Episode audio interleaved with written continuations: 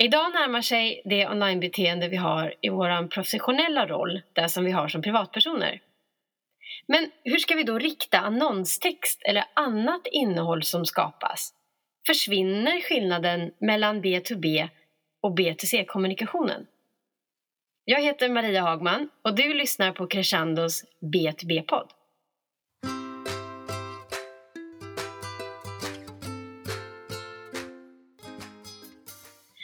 Fredrik B Nilsson är skribent hos oss på Crescendo. Välkommen Fredrik!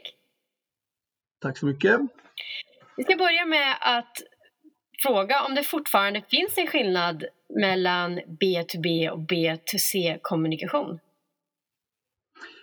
Ja, jag tycker att det fortfarande finns en skillnad, men likheten har blivit fler, tycker jag. Om vi frågar och tar från början då, varför har det förut varit en uppdelning hur man pratar företag emellan och som företag till konsument? Ja, men tidigare så var ju kanalerna skilda från varandra på ett väldigt tydligt sätt. Och det, då handlar det om att nå andra företag via ja, men strikt branschpress eller tydligt avgränsade ämnesområdeskanaler. Eh, branschtidningar och annat som sagt. Och då visste alltid mottagarna att när jag får den här broschyren eller den här tidningen så läser jag på ett visst sätt om vissa saker. Mm. För man kanske bara hade viss litteratur på jobbet, eh, facklitteratur och så vidare. Ja, och, och, när du fick den informationen så var du i din arbetsroll. Eh, du behövde aldrig nås av någonting i någon annan kanal som var privat och, på den tiden, bara för 10-15 år sedan, fanns det ju inga ah, privata kanaler på samma sätt som det gör idag. Men idag tack vare att mycket är digitalt så möts vi av budskap därifrån också.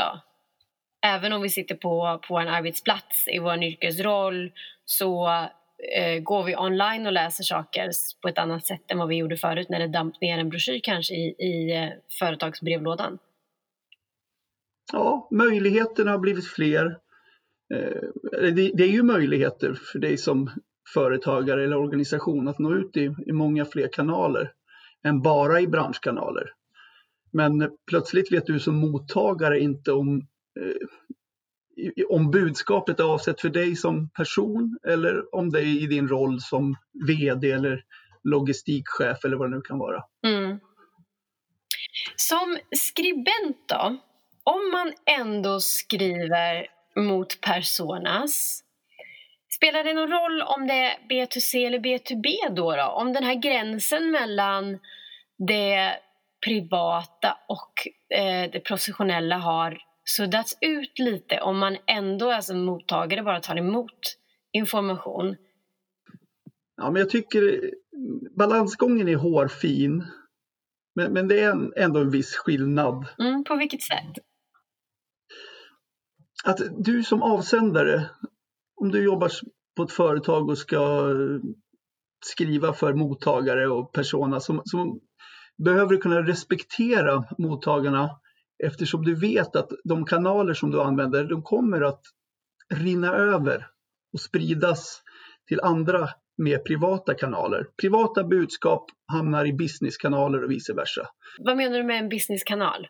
Eh, businesskanaler, för det finns ju fortfarande rena branschkanaler och de plattformar som du avser att använda, till exempel din egen webb, din egen blogg.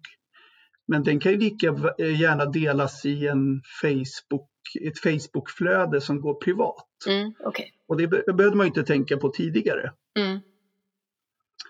Uh, för din kommunikation har ju till utgångspunkt att, att bygga relationer för att skapa tillit och utbilda de personer som du har bestämt att du vill nå. Och, och det är för att säkra upp att mottagarna förstår dig och att de känner att du förstår dem. Mm. Eh, men, men eftersom det du skriver till en B2B-persona, en person, persona som du har bestämt, eftersom du vet att den troligen kommer att nå även till privatpersoner så måste du vara uppmärksam på hur du formulerar ditt budskap. Och eh, idag måste du vara säker på att mottagarna förstår dig. oavsett vilken hatt de har på sig när de läser budskapet. Eh, och du måste fråga dig själv som avsändare om hur du vill uppfattas och vara beredd på att det, det är inte bara din avsedda persona som nås av det du skickar ut.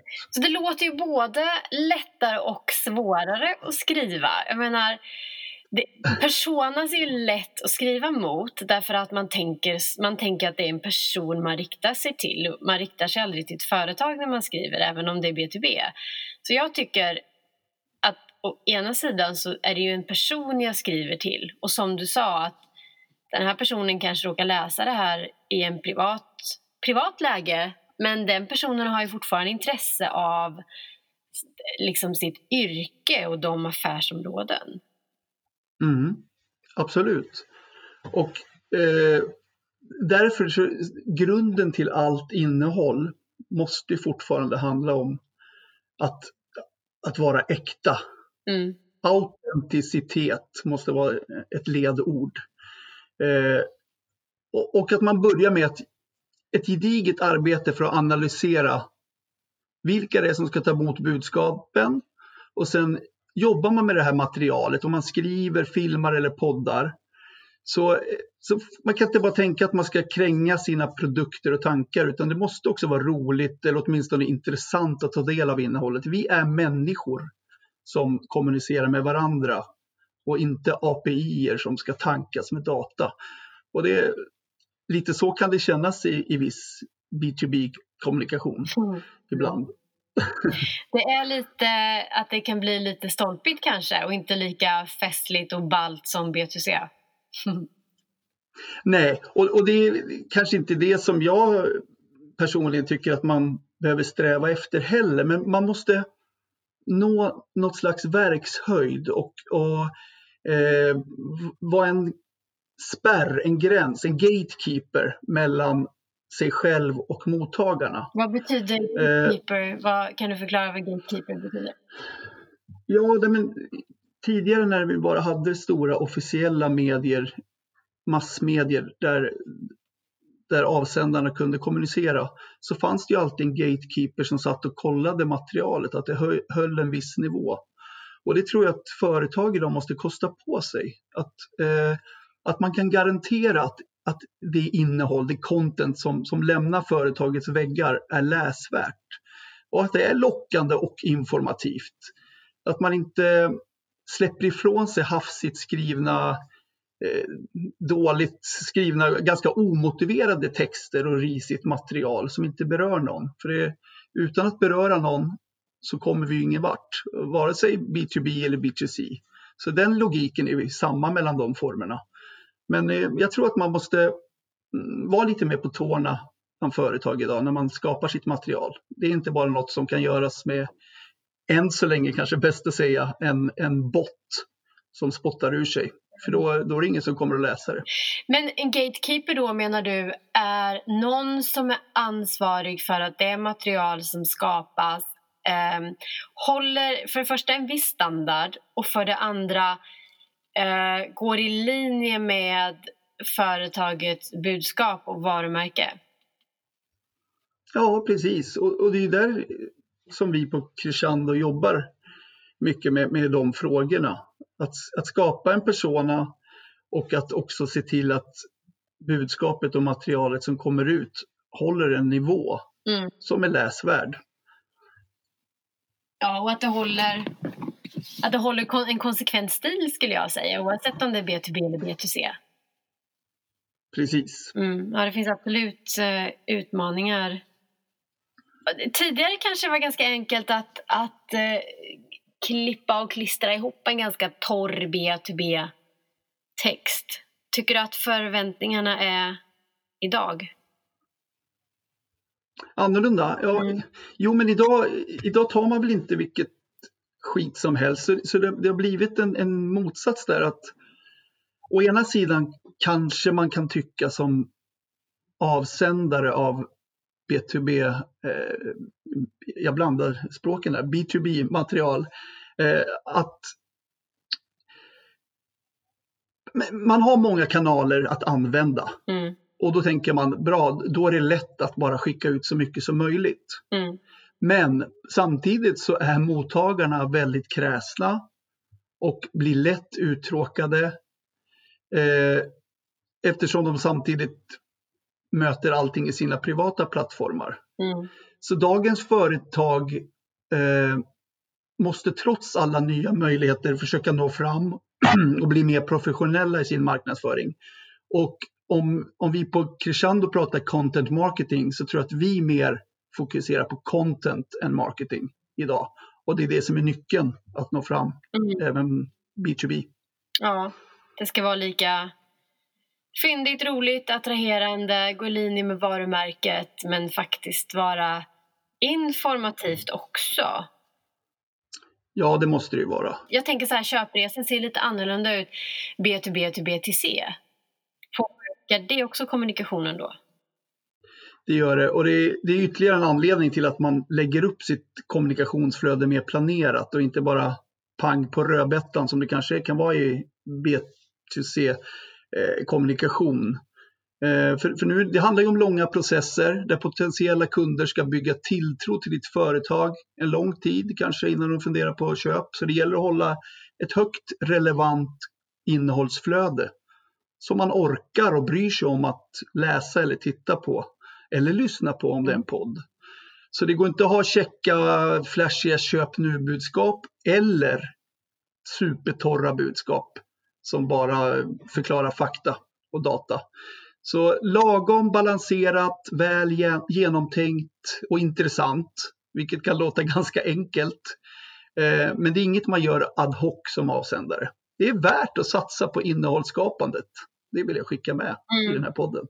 Tänker också att det är fler inblandade i en B2B-köpprocess än i BTC. I BTC kan du ha det här och köp mina chips nu.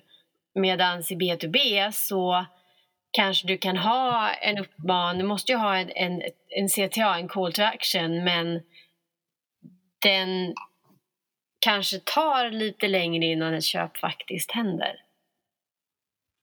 Ja, men det, det ser man ju själv inom företag att ofta så är det ju fler som ska attraheras av budskapet för det måste ju funka på flera nivåer innan det kanske leder till ett köp eller ett avtal.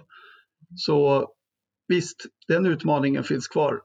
Mm. Och det har det alltid gjort i business to business eh, kommunikation.